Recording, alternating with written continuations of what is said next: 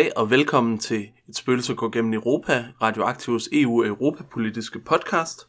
I dag skal vi tale om øh, EU-parlamentsvalget, og øh, vi bringer interview med både øh, Kira Marie Peter Hansen, fra, øh, som er spidskandidat for øh, Socialistisk Folkeparti, og med Jakob Nerup, som er spidskandidat for Enhedslisten, øh, og skal diskutere nogle forskellige perspektiver omkring det. Men først øh, så øh, skal vi lige præsentere hinanden, og jeg står her i studiet som altid med Benjamin Bilde Bolsmann, som øh, jeg har lavet studenterpolitik med, som har læst øh, international historie, og nu er gymnasielærer. Han sidder i SF's landsledelse, og han har en utrolig stor og detaljerig viden om hele Europa. Og jeg står som sædvanligt sammen med Jakob Lindell Rugård, som jeg både har læst sammen med og lavet studenterpolitik sammen med. Han læser international ledelse og kommunikation på CBS, arbejder i fagbevægelsen, blandt andet med fokus på handelsaftaler og deres konsekvenser for vores verden, og så er han rigtig god til de overordnede visioner og holde fokus på øh, de forandringer, der betyder noget. Ja, vi har som sagt de her to interviews, øh, som vi vil spille for jer, øh, og grunden til, at vi tager dem op, er jo fordi, at vi vil sætte fokus på øh, socialisme i forbindelse med det her Europaparlamentsvalg. Laver man socialisme nede i EU-parlamentet, og hvilke socialistiske visioner kan man have i et Europaparlamentsvalg? Og derfor har vi valgt SF og Enhedslisten, kan man sige. Ja, det er jo ligesom de to socialistiske partier, der stiller op. Øh, og vi synes ikke rigtig, det giver mening at snakke med en tværpolitisk bevægelse som Folkebevægelsen, eller en erklæret ikke-socialistisk øh, parti som alternativet om, hvordan man laver socialisme. Så det er mellem øh, de to erklærede socialistiske partier, der stiller op til Europaparlamentsvalget. Øh, og vi håber, at øh, I vil nyde interviewet. Først så er her en samtale, jeg har med øh, Kira Marie Peterskov Hansen.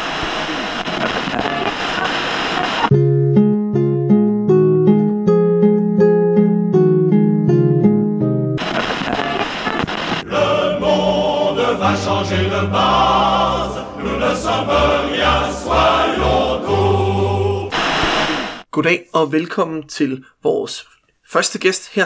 Vi har øh, kandidat til Europaparlamentet fra SF med, øh, Kira. Vil du øh, fortælle lidt om dig selv? Ja, øh, mit navn er Kira Marie Peter Hansen. Jeg er 21 år gammel, læser økonomi til dagligt på Københavns Universitet på andet semester. Øhm, og sådan lidt om mig, så kan man sige, at jeg er gået på en international folkeskole, øh, som også har præget mig til at synes, at europapolitik er spændende. Øhm, og så har jeg gået på et handelsgymnasium og været aktiv i SFO's SF Ungdom i en 4-5 år nu. Ja, og øh, så det, øh, det er jo sådan øh, lidt om, hvorfor du synes, det er spændende, men øh, så et mere sådan målrettet spørgsmål. Hvorfor, mm. øh, hvorfor vil du gerne vælges til Europaparlamentet? Jamen, jeg vil gerne vælges, fordi at jeg synes, min generation bliver svigtet helt vildt meget, og er blevet svigtet rigtig meget de sidste par år. Øh, vi ser klimakrisen som nok det bedste eksempel på, at ældre politikere og befolkninger længe har kendt til problemerne, men ikke rigtig gjort noget ved det og taget fat om, øh, om roden. Øh, men i stedet for efterladt øh, klimakrisen til mig og min generation. Øhm, og så synes jeg, det er frustrerende at se, hvordan den solidaritet og det fællesskab og internationalt samarbejde, vi har opbygget, det er øh, bræst sammen under flygtningekrisen, og man har valgt at bygge mure rundt om Europa, i stedet for at, at øge udviklingsbistanden og, og hjælpe mennesker på flugt. Så tror jeg også, at vi mangler en ungdom i Europa, øh, og Europaparlamentet, det er meget nogle gamle nisser, der sidder der, øh, så det vil jeg gerne bidrage til. Ja, og det er vel også øh, noget, man kan se på, på SF's liste, hvor, mm. hvor de gamle nisser, er, eller Margrethe Augen er i spidsen, som ja. en af de sådan lidt fra den ældre generation. øh, bare sådan for opklaret, hvordan, øh, hvordan ser SF sådan uh, toppen af SF's liste ud? Hvor er du, og mm. øh, hvem er der ellers? Jamen, vi har Margrethe Augen, som du nævner, som vores øh, spidskandidat. Så har vi Carsten Hynge øh, som nummer to, som har et stort fokus på det her med arbejdsmarkedspolitik og færre bevægelighed. Og så har vi Peter Vestermann som træer, øh, som har arbejdet rigtig meget med, med skat og digital skat også, og så regionsrådet. Så har vi mig som fire, og så Kirstine Bille fra, fra Aarhus som øh, nummer 5. Yes, så, øh, og det er jo også en liste, der sådan på mange måder spreder sig både geografisk og aldersmæssigt en del. Mm. Øh, du har været lidt inde på det omkring, snakket noget om øh, klimakrise, snakket noget om øh, nogle af de her ting, der sådan er en udfordring for mm. den unge generation. Men hvis nu vi skal kigge ikke så meget på, hvor, hvad du synes mm. er, øh, er interessant, og hvorfor det, man skal stemme på dig, men mere kigger på sådan lidt bredere, hvad er det så for noget politik, der er sådan overordnet set det vigtigste, når nu vi som venstreorienterede vælgere skal ned i stemmeboksen i slutningen af maj? Jeg tror for mig er det, at vi skal have sat øh, mennesket før markedet, altså få en politik, hvor at det vigtigste det er ikke, at virksomhederne kan få billig arbejdskraft og udnytte den fri bevægelighed, men at vi kan sikre nogle fælles høje standarder og frigøre mennesker. Øh, socialisme for mig er at sikre frihed øh, og lighed og lige muligheder for mennesker, og den kamp synes jeg er vigtig i, i Europa også og i hele verden. Øh, så det synes jeg er den vigtigste kamp. Ja, og, og det er jo altså, helt enig i, jo, men det tror jeg, de fleste socialister ja. vil være. Hvis du skal være lidt mere konkret, hvad er det så for nogle politikområder, hvor du tænker, at helt, det skal man i hvert fald overveje som venstreorienteret vælger, øh, før man går ned og sætter sig kryds?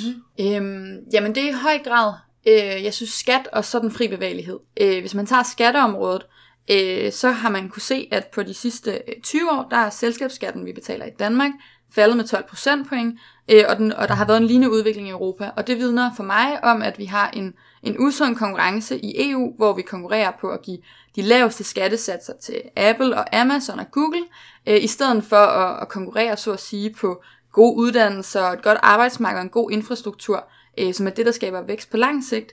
Øh, og så sikre, at, at vi ikke øh, udnytter arbejdskraft på tværs af Europa. Altså de, de østeuropæiske arbejdere har i lige så høj grad brug for beskyttelse og, øh, og hjælp, og der ser jeg vores, vores kamp som, som arbejder, øh, ikke selv arbejder, men, men øh, klassekampen for arbejder øh, på et internationalt plan også.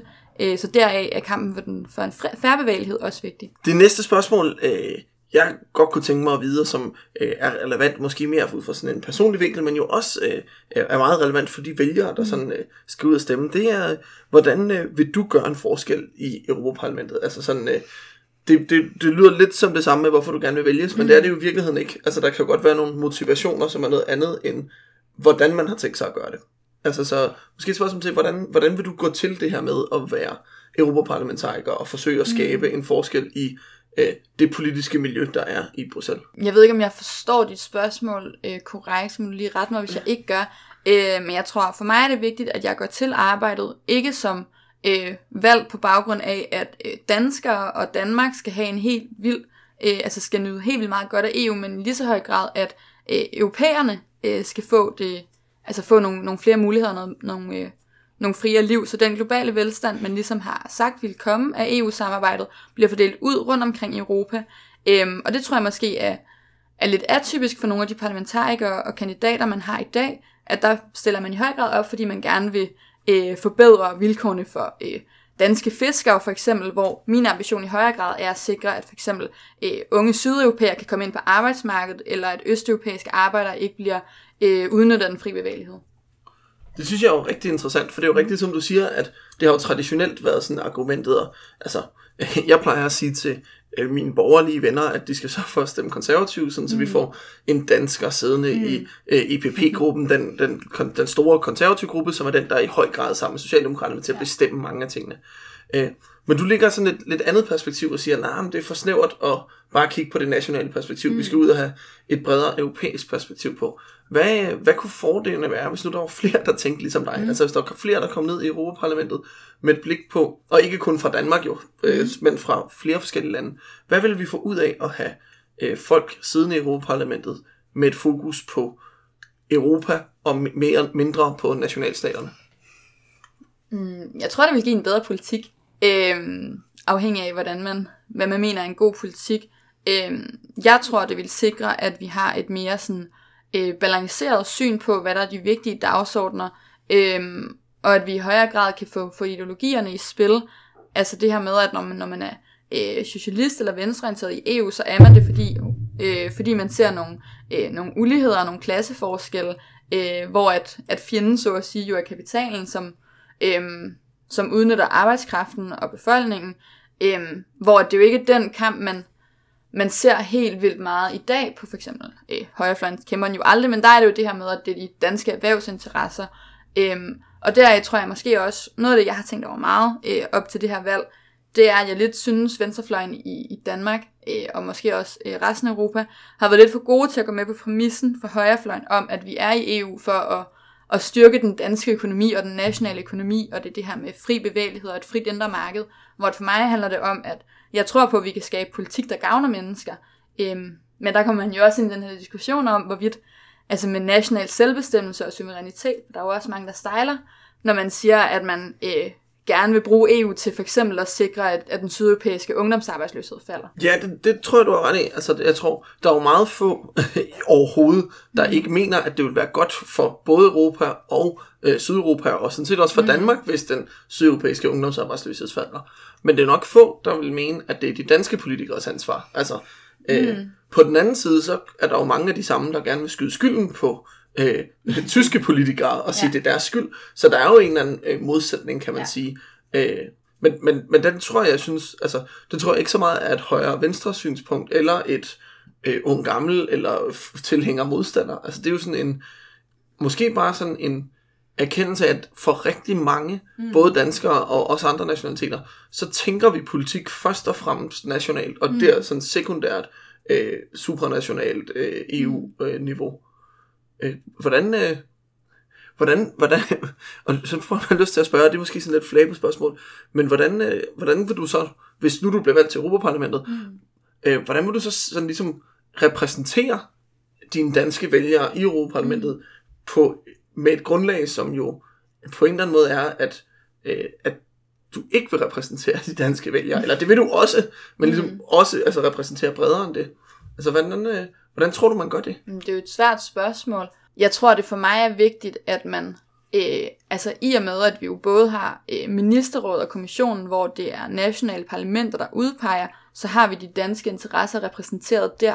Men at når vi så sidder i parlamentet, så er det vigtigt, hvordan vi får øh, en styrket europæisk union øh, med flere rettigheder og muligheder for de europæiske borgere. Så der tror jeg i højere, altså der er det jo nok mere de venstreorienterede vælgere i Europa, jeg gerne vil kunne rep- repræsentere og sikre politik, som er venstreorienteret. Øhm, og der tror jeg nogle gange, jeg synes, det er sådan en lidt ærgerlig øh, tilgang til, til EU-politik, man har i de nationale øh, øh, lande.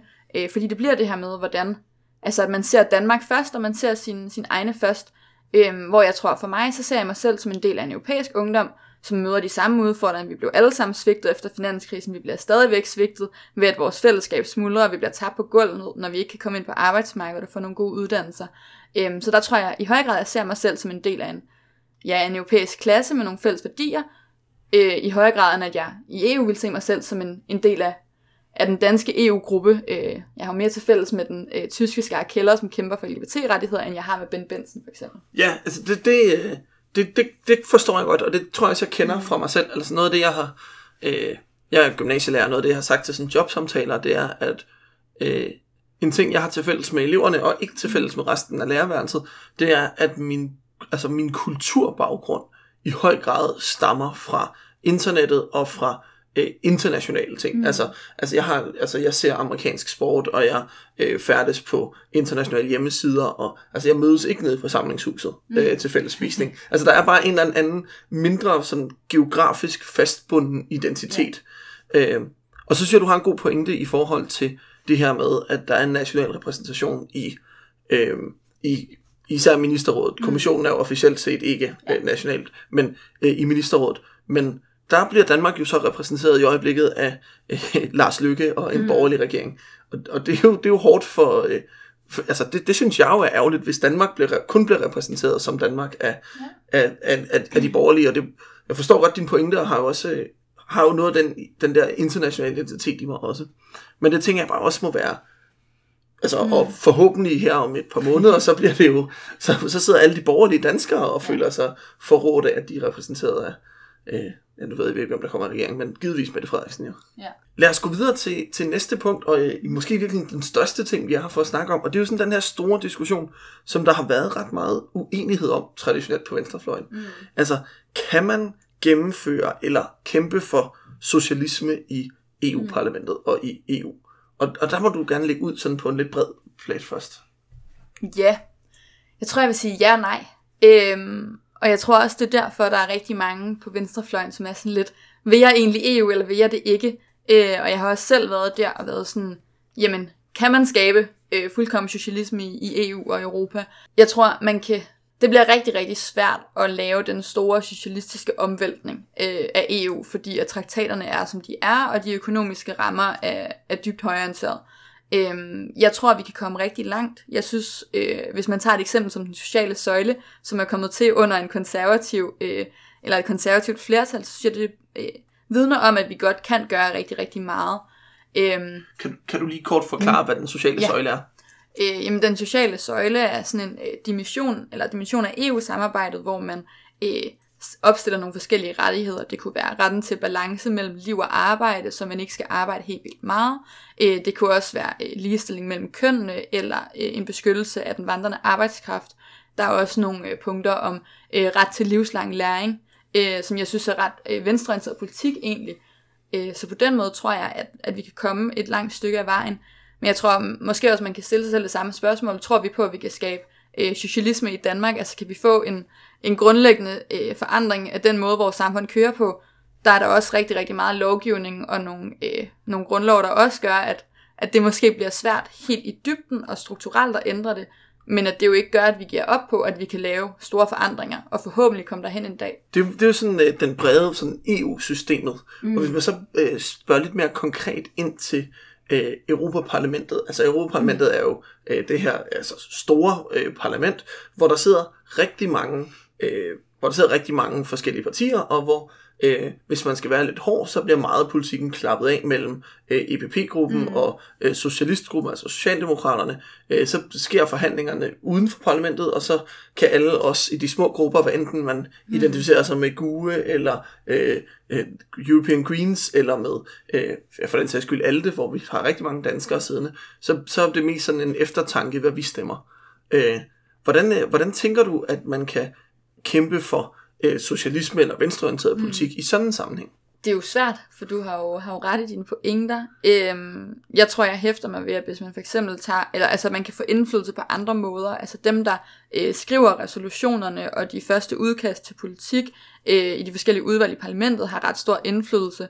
Øh, Road Watch Europe, som sådan øh, analyserer øh, ja, sådan Europaparlamentet og stemmerne, øh, fastlagde i tilbage i 16 eller 17, at Margrethe Augen var den mest indflydelsesrige dansker på miljøpolitikken. Det synes jeg også vidner om, at man ikke behøver at sidde i de øh, store grupper, nødvendigvis for at få indflydelse. Øh, men det ville da helt klart være bedre, hvis, hvis resten af Europa ikke var så, så konservative, som de er. Det ville da gøre det lettere. Ja, og, og, og der er vi jo så igen ude ved, at der, det er jo en udfordring at mm. gøre noget ved, både som venstreorienteret og gøre noget ved, at de andre stemmer konservativt, men også gøre noget ved i Danmark, hvor det ikke er os, der er problemet der. Øhm, hvis vi kort skal, skal runde af, så, mm. øh, så vil jeg bare stille spørgsmålet til sidst. Øh, Hvorfor skal man stemme SF til Europaparlamentsvalget? Øhm, jamen, man skal stemme SF, hvis man gerne vil have, at vi får en ambitiøs grøn omstilling. Øh, den grønne gruppe, som SF sidder i, er den gruppe, der stemmer for langt mest øh, grøn lovgivning og ambitiøs lovgivning på, på klima- og miljøområdet. Og så skal man stemme SF, hvis man gerne vil have, at vi bruger EU til at, at skabe socialisme øh, og til at skabe de små forandringer, som vi kan komme hen i nærheden af. Mm. Og hvis man gerne vil have en, en god klimastemme i Margrethe Augen, og forhåbentlig mig også.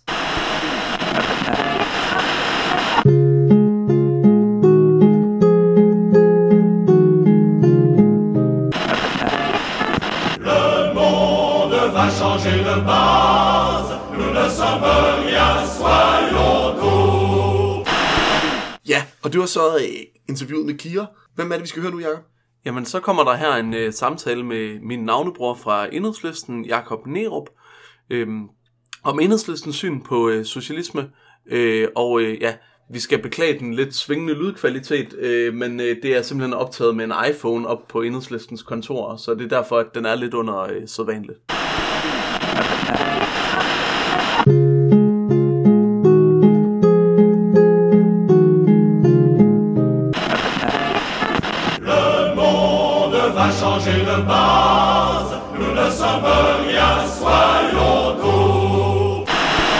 Yes, goddag. Her sidder vi øh, med Jakob Nerup, øh, som er øh, kandidat til Europaparlamentsvalget for Enhedslisten.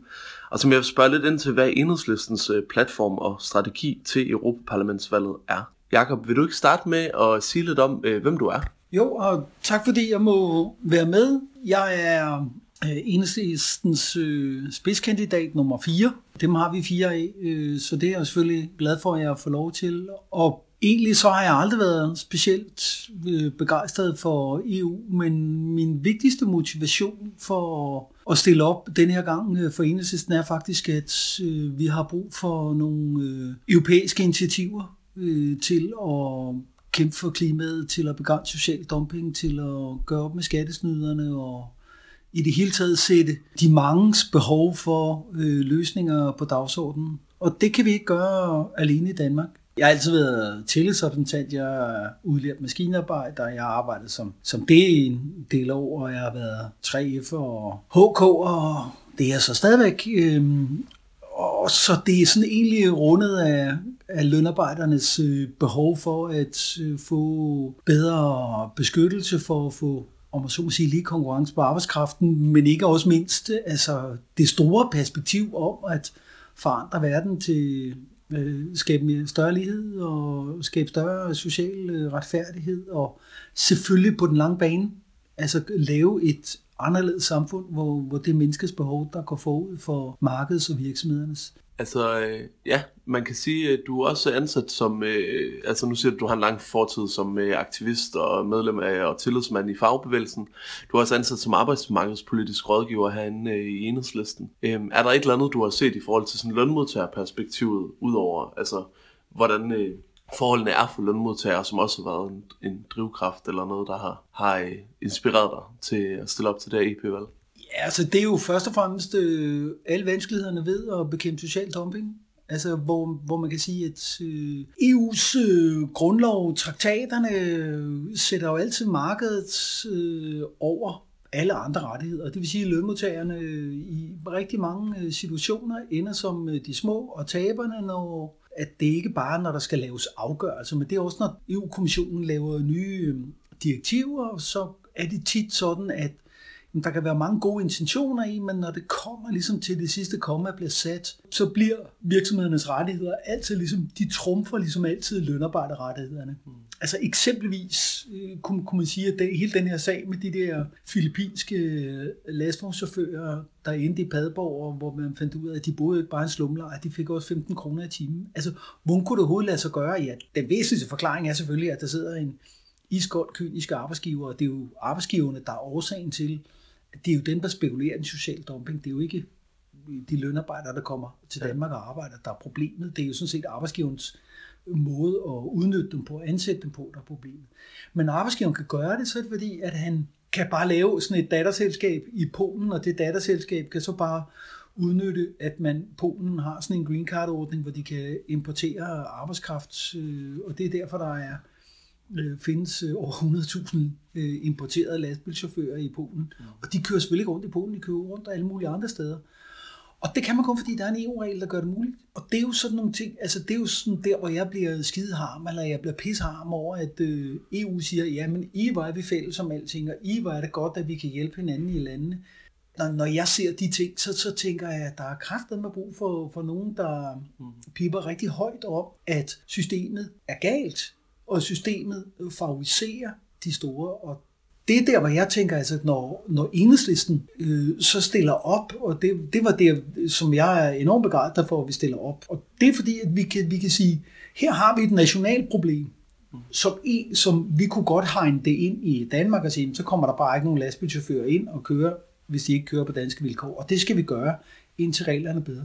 Men det løser ikke problemerne ude på de europæiske landeveje øh, for alle kollegerne. Der skal vi jo stå sammen med alle de øh, fagforeningerne, med alle de andre venstreorienterede partier øh, i Europa om at prøve at lave den højst mulige indsats mod social dumping. Altså det er eksempelvis derfor, at Enhedslisten har allieret sig sammen med øh, nogle af de største partier i Frankrig og i Spanien, i Sverige, i Portugal, i Finland, øh, hvor vi er gået sammen i sådan en alliance om at, at gøre nogle alvorlige ting. Øh, altså stille forslag om, at vi skal i fællesskab øh, løfte øh, baren for indsatsen mod social dumping, for klimaet, øh, mod skattesnyd og den slags. Og, og det er virkelig det, hvor jeg synes, der er et stort perspektiv i det der med, at enhedslisten stiller op, det er, at vi ikke bare ligesom siger, at vi skal have noget mere nationalt selvbestemmelse. Vi siger faktisk, at vi skal have en fælleskamp i Europa for, at det skal være mere øh, socialt, øh, det skal være mere øh, klimavenligt, og det skal være mere demokratisk. Nu kommer du selv ind på det, så du får lige et uddybende spørgsmål, men det er jo første gang, at, øh, at enhedslisten stiller op til Europaparlamentet. Øh, og det ser du, du ser som noget rigtig positivt. Hvorfor øh, tidligere der har man samarbejdet øh, som en del, øh, med Folkebevægelsen mod EU, som man også er medlem af. Øh, hvorfor var det, at det var øh, rigtigt at stille op nu? Kan du lige sådan pinpoint det? Altså vores øh, beslutning om at stille op, den, øh, den starter jo egentlig øh, med, at, at vi, vi kan se, at vi kan ikke komme ud med al enhedslistens politik, når vi skal diskutere EU i forbindelse med valget til Europaparlamentet, når vi kun stiller op som del af folkebevægelsen. Fordi folkevæsen folkebevægelsen i sin natur er tværpolitisk, folkebevægelsen i sin politik lægger vægt på, at øh, selvom man snakker om demokrati, og de gør rigtig mange gode ting, folkebevægelsen øh, nede i EU-parlamentet og sådan noget, ros til det, men så har man stadigvæk en lang række begrænsninger, fordi man faktisk ikke kan byde ind med det, man kunne også sige sådan tværnationale løsninger, fordi at det er, der, der begynder man jo, om man så må sige, at snakke rigtig politik. Mm. Øh, og det kan vi jo som enhedslisten. Altså man kan sige, det enkle er, at det enhedslisten har gjort 25 år i Folketinget, det er bare det, vi sætter af på og skal gøre i Europaparlamentet. Øh, så, så det at kunne lægge meget større vægt på indholdssiden, når vi snakker EU, mm. altså om social dumping eller skattesnyd eller den slags, altså det er jo langt vigtigere for os, fordi det har jo også gjort, at enhedslisten på samme måde som vi gør det i Folketinget, som kan sige, jamen vi støtter den mindste forbedringer, vi går imod den mindste forringelse, øh, så længe det ikke øh, betyder afgivelse af national suverænitet og sådan noget. Og det har betydet, altså eksempelvis, lad mig give nogle eksempler på, hvor, hvor tingene lidt sådan lidt skiller. Altså vi, vi er langt mere offensivt, for eksempel kan pege på at, at være sammen med øh, de andre øh, sådan partier i oppositionen i Folketinget og, og sammen med dansk fagbevægelse, europæisk fagbevægelse i krav om social protokol. Altså face it, øh, selvom øh, enhedslisten skulle få et mandat eller to i EU-parlamentet, så er det jo nok ikke de mandater, der først og fremmest flytter øh, dansk øh, europapolitik. Altså, det er jo først og fremmest sammensætning af dansk folketing, fordi det er der, man sender regeringen ned og gør noget. Mm. Og, og det at have en meget direkte sammenhæng mellem de to ting, altså, lad os sige, vi kan have et forslag i Europaparlamentet, som siger, nu skal vi gøre sådan med klimaet. Altså eksempelvis så kunne man sige, jamen der skal ikke noget som helst fossil energiproduktion ind i de fælles ledningsnet mellem landene. Altså der, mm. der, der skal bare ikke sendes øh, kulproduceret energi igennem det fælles europæiske ledningsnet. Bliver det vedtaget der? Nej. Men hvad kan vi så gøre i Danmark? Ja, så kan vi sige, at i Danmark, der vil vi bare sætte en prop i. Altså hvis ikke de kan garantere, at vi mm. kan få fossilfri energi igennem det ledningsnet, så vil det være eneste holdning. Så sætter vi der bare en prop i. Øh, og sørge for kun at have vores egen rene energi. Altså på mm. den måde har det stor betydning at kunne både at være i EU-parlamentet og gøre det, som vi allerede gør i dag i det danske folketing. Og, og der, der synes jeg, at vi ved selv at stille op som enhedsliste, kan vi få en, en, en meget stærkere indholdsmæssig betoning af, hvordan vi faktisk vil løse også de grænseoverskridende problemer. Nu har du været inde på, øh, på social dumping og klima lidt detaljeret, men det er jo sådan, når man stiller op første gang, som enhedslisten gør, at man stiller op på noget politik, og man har lavet et valggrundlag, og kan du sådan lidt overordnet måske med et par enkelte korte eksempler sige, hvad, hvad er det for et slags valggrundlag? Hvad er det for en slags platform, man ligesom har valgt at stille op på? Altså, vi har valgt øh, en, et valgprogram, øh, som øh, sætter fire, måske sige fem mærkespørgsmål op. Der er det, jeg har nævnt om øh, klimaet, det sætter vi også. Mm. Øh, vi har sat øh, social indsats mod social dumping op øh, som noget meget vigtigt. Vi har sat indsats mod skattesnyd også op øh, som noget meget vigtigt. Altså, og som fjerde ting, så har vi selvfølgelig sådan en grundlæggende tilgang om, øh, at, at øh, EU ikke, om man så må sige, skal forhindre velfærden. Øh, og, og der kan, har vi jo det store problem med øh, hele eurokonstruktionen øh, og finanspakten og de ting, der mere og mere bliver kørt ind under det, altså en ny bankunion og de andre ting, som jo, som jo skaber hvad skal vi sige, sådan et nyliberalt regimente over økonomien, hvor EU øh, sådan nærmest sådan påtvinger de enkelte lande, at de ikke må have så store underskud, og det er så over, det er jo sådan et, et teknikersprog nærmest, men det, den praktiske konsekvens er, at landene bliver tvunget til at skære ned på de offentlige udgifter, og der, hvor de skærer ned, er selvfølgelig på sociale ydelser, og skoler, og uddannelse, ældreomsorg og alle de der ting, som vi kender hjemmefra. Og, det sidste element, som enhedslisten stiller op på, det er sådan det, vi kalder snyd og fros og mm. alt det der, altså de der perverse ting, der er med, at øh, EU-parlamentarikere øh, får 34.000 kroner i blyantspenge, som vi kan se ned i baglommen, hvis det passer, uden at aflevere et eneste regning på det, eller at EU-parlamentet flytter mellem to byer, det bruger man ekstremt mange milliarder på om året, og enorm CO2-udledning og sådan noget, bare ved at gøre de ting. Ikke? Altså, eller byråkratiet i EU, eller svindlen med EU-midler, eller øh, uigennemsigtigheden i EU. Altså for eksempel, kunne man, kunne man sige, det der med, at vi aner ikke, hvad der sker på øh, ministermøderne i EU. Så vi ved, vi, vi, vi kan håbe på, at den danske regering fremfører det danske synspunkt, for vi aner det dybt set ikke. Fordi vi kan ikke høre, hvad de siger, og vi kan ikke se nogen dokumenter derfra. Så, og, og så kommer selvfølgelig det næste spørgsmål. Har jeg enhedslisten helt glemt den store øh, EU-kritik? Øh, har vi glemt, øh, at vi er faktisk grundlæggende modstandere af EU som konstruktion? Det har vi selvfølgelig ikke. Ja, fordi man kan lige sige kontekst til det, at en ting, der jo, man har jo, hvis man følger lidt med i Europa-debatten herhjemme, så øh, har man jo set en masse forskellige overskrifter med, at det enhedslisten opgiver udmeldelseskravet øh, og ikke vil melde sig ud af EU alligevel, og er nu blevet EU-positivt parti, er der vist også blevet sagt i forskellige sammenhænge. Øh, så ja, øh, altså er det fordi, at nu skal man ned og lave socialisme kun i Europaparlamentet, eller hvad er det for en øh, strategi, man ligesom øh, stiller op med som enhedslisten? Det er jo først og fremmest, fordi vi siger, at det vigtigste, den vigtigste kamp, der er i Europa, den handler jo ikke om for eller imod EU, den handler om, det skal være rødt og grønt, eller om det skal være blåt og sort.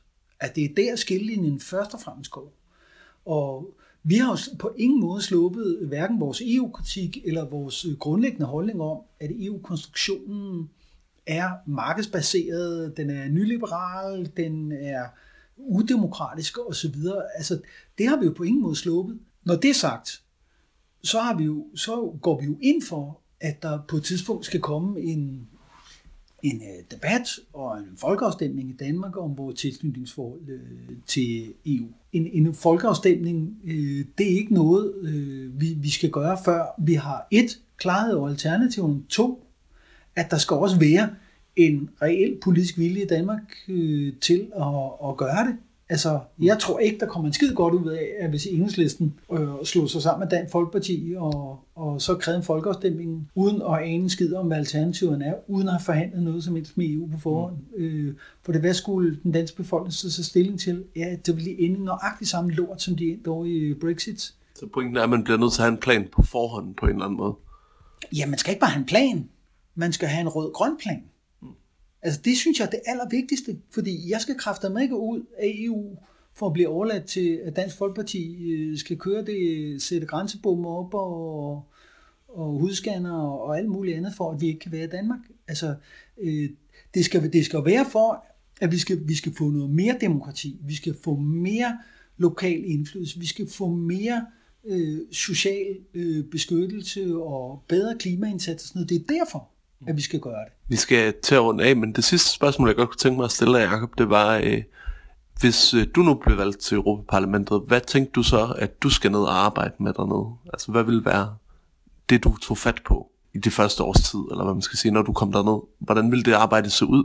Jeg vil sige på den måde, at altså, jeg er jo 100% sådan en øh, fagforeningsfaglig øh, type, så jeg vil, jeg vil jo være nærmest det ligger jo hele mit DNA, at jeg skulle beskæftige mig med social dumping og lønmodtagerrettigheder og, og den slags, så det vil jo ligge mig meget nært. Men det forudsætter, at enhedslisten får to. Fordi ellers så synes jeg faktisk, at man skulle gå all ind på, på klimaspørgsmålet, for det er sådan set det vigtigste. Og, fordi klimaspørgsmålet, det er jo, er jo ikke bare vigtigt i den forstand, at vi skal have det løst. Altså ellers så smelter og brænder og, og kloden sådan set for os.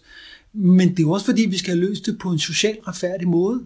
Altså vi skal jo sørge for, at, at de polske kulminearbejdere, de i stedet for at få jobs med at bygge jernbaner, vi skal sørge for, at de tyske bilarbejdere bygger elbiler, eller at øh, alle dem, der er i, i dag vil få mindre arbejde, fordi industrien måske skal producere bedre og passe, lave produkter, der kan holde længere, jamen hvad skal de så lave? Så skal vi jo på forhånd sikre, at de får social tryghed, det vil sige, at de får job, om uddannelse, de bliver omskolet. Så det at have et, et meget, meget stærkt øh, rødt indspark på det grønne er faktisk afgørende. Det kan vi ikke bare overlade til dem, der siger, de er mest grønne. Altså det skal de røde også være med til.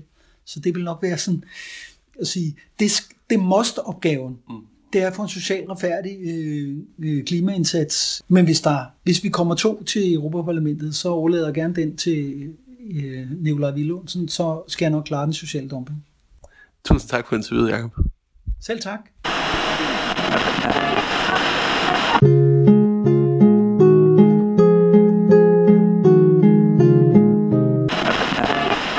Le monde va changer de base, nous ne sommes rien, soyons tous. Ja, det var jo to ret interessante interviews, synes jeg. Øh, og ret forskellige også. Altså, og med ret øh, forskellige blikke på, Øh, hvad er det, vi kan i Europa, men måske også nogle enigheder. Vi har, vi har sådan taget nogle ting frem, vi gerne vil snakke om. Og øh, den første, det er øh, en af de ting, øh, som jeg i hvert fald blev meget mærke i, da jeg snakkede med Kira. Det her spørgsmål, om man skal være europæer eller dansker i Europaparlamentet.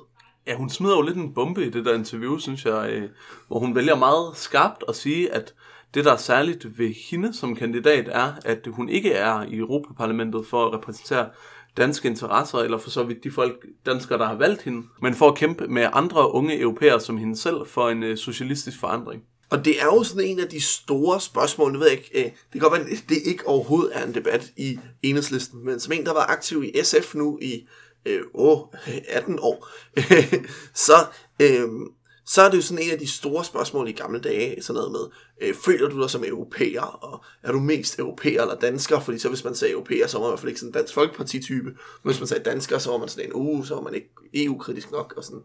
Øh, jeg plejede at svare, at jeg var romer, for det siger, øh, det er sådan et citat fra slutningen af øh, Hamlet, hvor der er en, der afviser at være dansker, fordi han har ære nok til at være romer. Han er ikke dansker. Men det, var- det tog folk ikke så alvorligt. Øh, men, men, det, men her, der går Kira jo meget skarpt ind og siger, at hun er øh, europæer. Og, og det er der jo nogen... Altså, det, det, det har vi jo begge to sådan nogle ting, hvor vi kan sige, det er der jo nogle fordele ved, nogle ting, der giver mening ved, men der er også nogle ting, hvor det måske giver mindre mening for, for en venstreorienteret position fra Danmarks side. Ja, altså man kan sige, at jeg synes, jeg byder mærke i nogle ting, som er meget inde i ved den tilgang. Altså man kan sige, at vi har jo en, altså øh, det europæiske niveau er med til at, at øh, regulere og bestemme, hvordan arbejdsmarkedsforhold, de økonomiske forhold og rammerne for den økonomiske udvikling er på europæisk niveau. Og der er det jo ikke altid den danske arbejderklasse, der nødvendigvis er mest udbyttet og undertrykt af de regler. Øh, Kier nævner selv, øh, hvad hedder det, sydeuropæere, portugisiske unge og sådan noget, som har været plaget af ekstrem høj arbejdsløshed og øh, meget store restriktioner på, hvilken økonomisk politik man kan føre for at redde dem ud af den krise, der har været som en del af konvergenskravene øh, til euroen.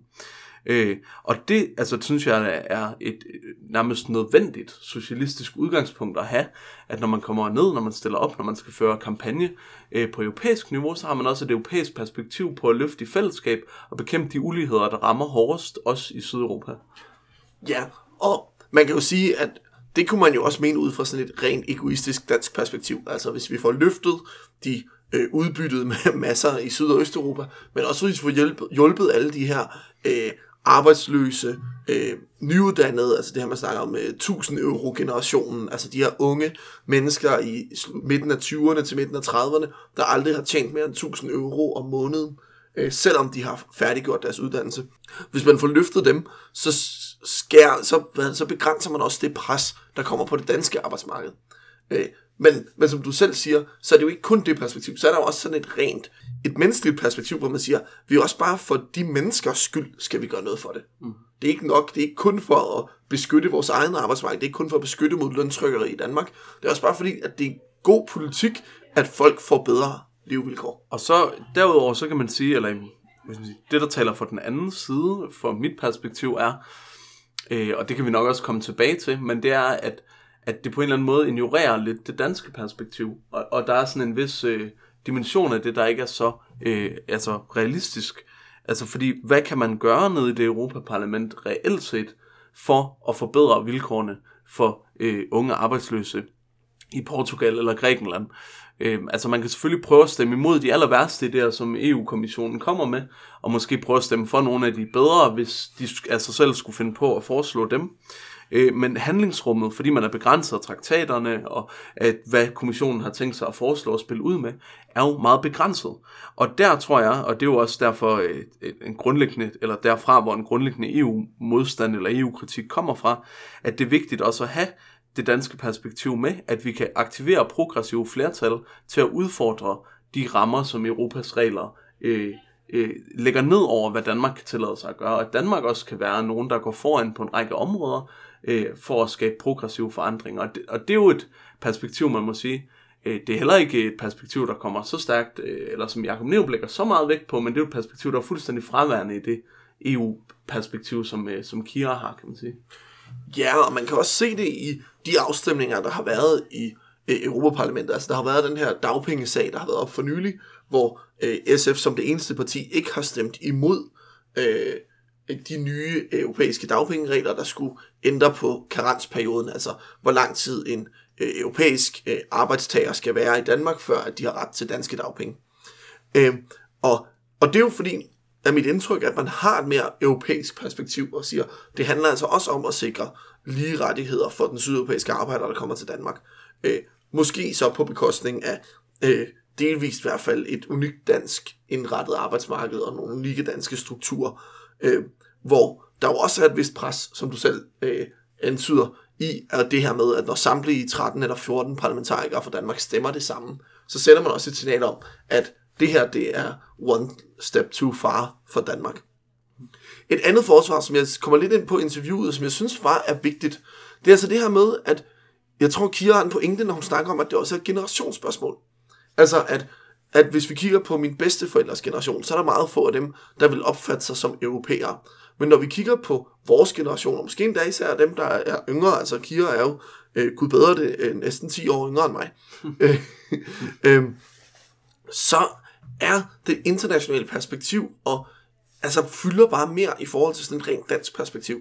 Jeg plejer at sige nogle gange, øh, det her med, at det er mere betydningsfuldt for mig, hvilke subreddits jeg abonnerer på, end øh, hvor mine bedsteforældre er opvokset. Altså det betyder mere for mig i mit liv.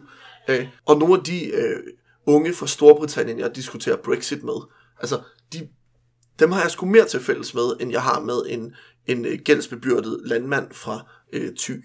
Og, og der er bare, øh, vi har nogle øh, interesser, som måske i virkeligheden giver mere mening at kigge på europæisk end nationalt. Ja, og det er jo i hvert fald en løbende diskussion. Det, det er det jo også med det der dagpengespørgsmål, ikke? At værner man om en dansk velfærdsmodel, eller øh, altså som beskytter øh, universel velfærd i Danmark, øh, og dermed er progress, altså det er, jo, det er jo et perspektiv, hvor man siger, at vi skal forsvare en meget, meget progressiv universel velfærdsmodel. Øh, på den anden side, der står hensynet til at løfte beskyttelsen af vandrende arbejdskraft, som jo også er den europæiske arbejderklasses beskyttelse øh, mod at blive udbyttet på arbejdsmarkedet, og mod at skulle sige nej eller ja til nogle alt for dårlige løn- og arbejdsvilkår, fordi de faktisk har en beskyttelse i form af en dagpengeret. Øh, og det er jo sådan øh, to principper, eller to, en afvejning, som hele tiden øh, kan være lidt i, øh, i konflikt med hinanden. Øh, hvor det øh, Kira ligesom lægger så meget indsyd på, øh, på, den øh, europæiske side af, af den balancegang. Ja, så kan man sige, at det sidste aspekt, man skal have med, så handler det nok også om grundlæggende om synspunkt på, øh, hvilken rolle Europaparlamentet har. Altså skal Europaparlamentet være den her føderale struktur, der ligesom spænder over de nationale hensyn, som ligger i ministerrådet, eller er Europaparlamentet det sted, hvor danskere kan vælge danskere ned for at repræsentere os? Og jeg mener jo, at der er sådan legale juridiske argumenter for begge dele, og jeg mener også, der er politiske argumenter for begge dele. Men hvis man spørger øh, den danske befolkning, så kunne jeg godt forestille mig, at der var mange af dem, der vil mene, at det var, øh, de var, at man skulle lytte til danske hensyn. Men jeg kunne også sagtens forestille mig, at øh, repræs, altså sådan overordnet set, at ud af 13, nu snart 14 parlamentarikere, at der så vil være danskere, der mente, at, at man sagtens skulle finde øh, stemmer nok til, at to-tre af vores parlamentarikere kunne tage udelukkende europæiske hensyn. Ja, nu må vi se med det 14. mandat der, om, øh, om England ender med at skulle til Europaparlamentsvalg alligevel, så får vi det jo ikke. øh, men men øh, ja, helt sikkert. Og, øh, og der, der, der må man sige, at den der helt federalistiske tilgang, den, og det er jo, altså, den underkender måske også lidt det magtmiddel, man har i at forpligte sin stat nationalt til at gå med bestemte forhandlingsmandater til Europa, øh, og øh, hvad hedder det, øh, og muligheden for at bryde og udfordre EU's regler. Så, så det er jo lidt et spørgsmål om forandringsteori, eller strategi, eller hvad man kan sige. Og der tror jeg alligevel, at jeg grundlæggende ligger på det sted, at, at det er mere sandsynligt, at man kan få et progressivt flertal i Danmark, der kan udfordre EU's regler på en inspirerende måde, der kan skabe bevægelse blandt andre undertrykte og pressede befolkninger, end det er, at man kan erstatte det ekstremt reaktionære flertal, der er i Europaparlamentet, og den udemokratiske konstruktion, der er med, med kommissionen og traktatgrundlaget, med et meget progressivt flertal, som så begynder at lave europæisk politik på europæisk niveau til fordel for arbejderklassen i hele Europa. Ja, lad os gå videre til øh, vores næste emne. Ikke europæer mod danskere, men øh, enige mod uenige. Fordi når man lytter til de to interviews, så er der jo ret meget, de er enige om. Altså grundlæggende så er de jo enige om, at den grønne omstilling skal have første prioritet. De er enige om, at øh, arbejdsmarkedet skal beskyttes, arbejdstagerne og måske øh, delvist især øh, arbejdstagerrettigheder i Danmark skal sikres. Og så er de enige om, at der er nogle begrænsninger for rød politik, der ligger i øh, stemmefordelingen i Europaparlamentet og i forhold til traktaternes formulering. Men der er jo også nogle uenigheder. Jamen, jeg vil faktisk lige starte med at sige, at øh, der kom jeg jo selvfølgelig øh, også øh, til interviewet med Kira om alle mine sådan, enhedslisten fordomme. Og øh, der var jeg faktisk ret overrasket over, at, at, at hun nævner sådan relativt klart alligevel, at øh, traktatgrundlaget er ideologisk og markedsfixeret, og det stiller nogle klare begrænsninger for handlingsperspektivet på europæisk niveau. Altså det, det troede jeg egentlig var sådan lidt en, en enhedslisten analyse, eller en folkebevægelsen og enhedslisten analyse. Øh, øh, men, men det, altså, det, var, det synes jeg var ret interessant bare at se, at det er jo noget, de egentlig er meget, meget enige om. I deres, altså, de vægter det lidt forskelligt, men alligevel egentlig er en grundlæggende enighed, der går igennem de to interviews. Ja, og det er jeg helt enig i, jeg, jeg, jeg er også meget glad for, at, at det kommer frem øh, som SF'er, at SF'eren ligesom hiver fat i det, fordi det synes jeg er en af de vigtigste erkendelser, hvis man vil gøre noget forskel. At man så erkender, at man ligesom øh, spiller op ad bakke og på udebane, og er bagud på point, når man starter, og at dommeren er imod en. Men hvis jeg så skal tage min øh, partihat lidt på, øh, øh, og, øh, ja, så vil jeg jo så sige, at jeg synes, at Jacob Nerup han kommer ind på nogle perspektiver, der gør, at der er lidt flere værktøjer i værktøjskassen, eller hvad man skal sige.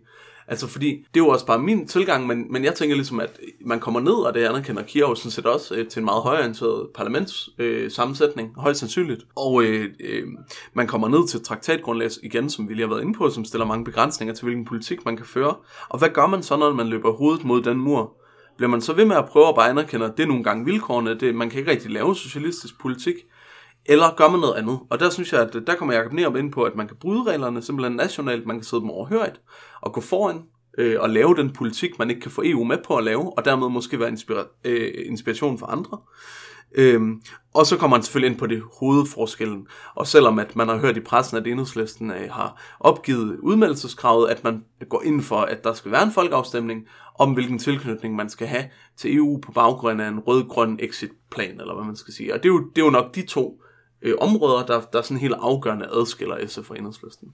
Ja, det er jeg helt enig i. Øh, altså det er to afgørende adskillelser. Og, og der må man jo så, altså i det omfang, at vores podcast er vælgeroplysning, øh, tage på sig, altså sådan, så er det jo en overvejelse, man skal gøre sig som vælger. Altså, synes man, det er vigtigt med de her ekstra øh, værktøjer i værktøjskassen, eller synes man, at, øh, at EU, øh, altså at EU-projektet øh, måske er, er mindre farligt, og derfor noget, man øh, i mindre grad skal skal bruge de her trussels øh, projekter. Altså fordi man kan sige, hvis man går ind i EU-projektet, så kan man også være, altså det er grunden til, at enhedslisten kan have de her værktøjer, og folkebevægelsen jo et, øh, argumenterer for de her værktøjer, det er jo fordi, man i virkeligheden ikke er for EU-projektet. For hvis man er for noget, så må man også gå ind uden at, at, at stå op og tro udefra, og uden at øh, ville bryde med de regler, der bliver vedtaget. Altså, øh, jeg er øh, personligt jo, jo mere på, på enhedslistens linje, hvad det angår. Jeg synes godt, vi kan være mere aggressive i Folketingets politik over for øh, EU og over for de EU-regler, der bliver lavet. Men når man ikke gør det, så er det vel ud fra et synspunkt om, at øh, når man har sagt A, så må man også sige B. Ja, og der, der, det, det er helt rigtigt. Og det er jo også, øh, enhedslisten er jo et grundlæggende EU-modstanderparti. Og øh, man kan sige, i, men, men lægger i det her interview med Jacob Neop, lægger han jo meget vægt på, hvad de socialistiske potentialer i EU er. og hvilken socialistisk forandring man kan gøre gennem EU. Så derfor kommer de også til at lyde lidt mere enige, end de nødvendigvis er på nogle afgørende spørgsmål, tror jeg. Jeg tror godt, man kunne høre et setup, hvor det vil være to mere øh, uenige positioner. Ja, måske øh, hvis man diskuterer med hinanden. Ja, for eksempel, ja. Det har vi så valgt at lade være med. øhm, men, men der, der øh, jeg bliver lige med, ved med at pusse min øh, enhedslisten kasket, men der mener jeg egentlig i begge perspektiver, altså både i, i, i SF-strategien og i øh, den hardcore EU-modstanderstrategi, at det er fornuftigt at have de her værktøjer i værktøjskassen. Man kan sige, at det er ikke så solidarisk med, med et projekt, som man går ind for, hvis man går ind for det. Men i forhold til at transformere et EU-system, som har nogle grundlæggende store demokratiske problemer, øh, og som er relativt højorienteret, der tror jeg også, at truslen om, at man faktisk vil sidde regler overhø- overhørigt og vende folkestemninger og melde sig ud, hvis det ender med at blive noget rent lort, øh, det er ret vigtigt, også hvis ens formål er at forandre indenfra øh, så er jeg så glad for helt personligt, at enhedslisten er EU-modstandere, og derfor står jeg et andet sted selv. Men, men ligegyldigt hvad, så tænker jeg egentlig, at det er nogle ret gode værktøjer her i kassen. En af de andre sådan uenigheder, de har, det handler lidt om de her partigrupper og øh, strategien i forhold til de her partigrupper. Kira nævner meget, at man skal stemme på SF, fordi de sidder i European Greens-gruppen, altså den her grønne gruppe, der består af grønne bevægelser og venstregrønne bevægelser i øh, det meste af Europa. Øh, og at det er der, man får mest grøn politik gennemført, og på en eller anden måde, så er der ligesom et argument om, at det fede det er at være den rødeste i den grønne gruppe. Jakob Nerup, han snakker om, at øh, det fede det er at øh, sidde i den røde gruppe, GUNGL-gruppen, øh, og så ligesom være den grønneste i den røde gruppe, sikre den sociale retfærdighed i den grønne politik, sikre at hvis vi kommer ind og får indflydelse på den grønne politik, så sikrer vi den sociale retfærdighed. Øh, så der er bred enighed mellem de to om, at det giver mening at kæmpe for social retfærdighed, det giver mening at kæmpe for øh, grøn omstilling, men der er lidt uenighed om, øh, om det er fedest at være den rødeste af de grønne, eller den grønneste af de røde. Ja, helt enig. Og man kan sige, det at der bliver gjort meget ud af det på en eller anden måde, synes jeg også er symptomatisk for den her EU-valgkamp, hvor jeg tror, at, at mange EU-valgkampe tidligere har haft et meget mere nationalt udgangspunkt, så øh, er europapolitikken alligevel begyndt at fylde så meget, at man bliver nødt til at have et seriøst svar på, hvilken gruppering man vil sidde med, og hvilken fællesmængde af værdier man har med dem, og hvordan man vil forandre noget i Europa der. Altså man kan også se, at Dansk Folkeparti har lige øh, begyndt at sammensætte en ny gruppe, sammen med Lega Alternative for Deutschland, og det der sandfinder. Øh, og, og det er også fordi på en eller anden måde, at de bliver også nødt til at have et svar på, hvad, hvordan er deres forandring teori nede i EU. Så det var bare sådan først, altså der er meget fokus i forhold til, hvad der nogensinde har været på, hvad går vi ned og gør, når vi så først kommer, kommer ned i, øh, i EU. Ja, og man kan sige, vi har planer om, at vores næste udsendelse her fra et spøgelse gennem Europa kommer til at være en gennemgang af de nuværende europæiske grupper, fortæl hvad de står for, og især en gennemgang af, hvad kommer der til at ske formentlig efter et valg, hvordan ser det ud med de partier, der er medlemmer, kigge lidt på meningsmålinger, men også kigge lidt på, hvad for nogle grupper risikerer at blive brudt op, hvad for nogle risikerer grupper øh, risikerer at forsvinde, og øh, hvad kommer der til at ske, hvordan bliver magtforholdene og magtbalancen i øh, e-, e-, e EU-parlamentet ændret undervejs. Til sidst, så, øh, så er det måske værd lige at komme kort forbi Folkebevægelsen, for selvom de ikke er et socialistisk parti, så er det jo et parti, hvor de socialistiske stemmer i høj grad er faldet i løbet af de seneste 40 år i forbindelse med Europaparlamentsvalg. Det er der, hvor mange øh, kommunister, enhedslisten folk har sat deres stemmer, men det er også øh, historisk set et sted, hvor øh, mange SF-vælgere og socialdemokrater har, øh, har, har sat et kryds. Så øh, hvad, hvad er det, der gør folkebevægelsen grundlæggende anderledes, ud over det tværpolitiske, end øh, SF og enhedslisten? Men der er nogle forskellige ting, men egentlig så tror jeg, jeg vil tage sådan lidt øh, øh, øh, udviklingsdiagnose. Hvordan har tiden udviklet sig først? Øh, og det tror jeg har været meget afgørende for øh, enhedslistens valg om at stille op selv øh, som jo gør en hel øh, masse forandringer for den EU-debat, man har på venstrefløjen. Øh, og, og det tror jeg er, at der er færre og færre af dem, der øh, bare ved, at de hader EU, eller har en grundlæggende analyse om, øh, forståelse for, hvad EU er, og en grundlæggende analyse om, at det er et dårligt markedsfixeret antidemokratisk projekt. Øh, og det er der alle mulige grunde til, det er det der med at være lidt europæer først. Øh, øh, der er Brexit-sporene lige aktuelt. Jeg tror, der skræmmer mange i forhold til, at det er noget værre kaos med at komme ud.